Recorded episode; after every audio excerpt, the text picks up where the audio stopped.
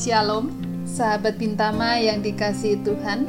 Saya Sartini, kategorial Komisi Remaja. Senang bisa kembali mengajak kita merenungkan tema mendidik berarti mengantar keluar. Firman Tuhan diambil dari Amsal pasal 10 ayat 1. Amsal Amsal Salomo Anak yang bijak mendatangkan sukacita kepada ayahnya, tetapi anak yang bebal adalah kedukaan bagi ibunya. Sahabat Bintama yang dikasihi Tuhan, anak akan menjadi anak yang bijak dan menjadi sukacita bagi orang tua apabila anak mendapat pendidikan dalam Tuhan. Dr. Andar Ismail dalam buku seri Selamat menyebutkan, pendidikan berarti mengantar atau melepas nara didik keluar.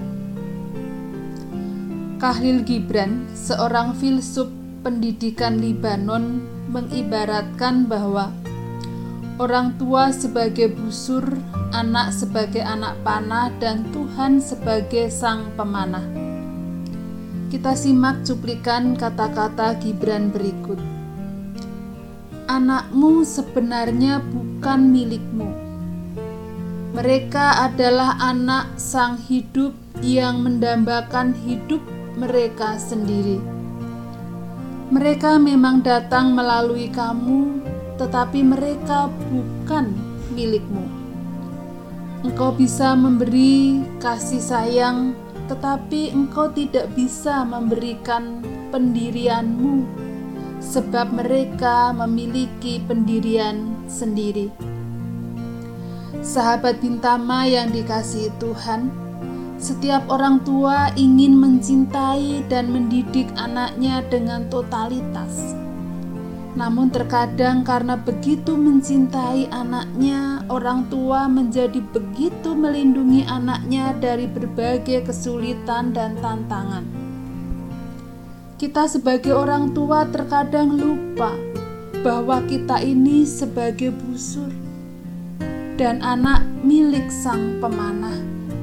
Kita sebagai orang tua memberi kasih sayang, bimbingan dan memfasilitasi anak meraih masa depannya.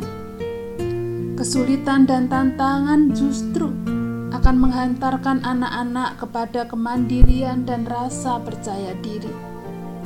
Sahabat Bintama yang dikasihi Tuhan, orang tua menghantarkan anak-anak untuk mengasihi Tuhan dan sesama. Itu tugas utama.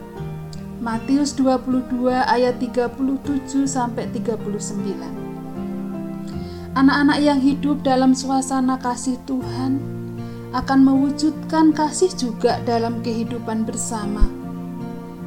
Anak yang bijak inilah yang akan menjadi sukacita di dalam Tuhan. Demikian renungan hari ini.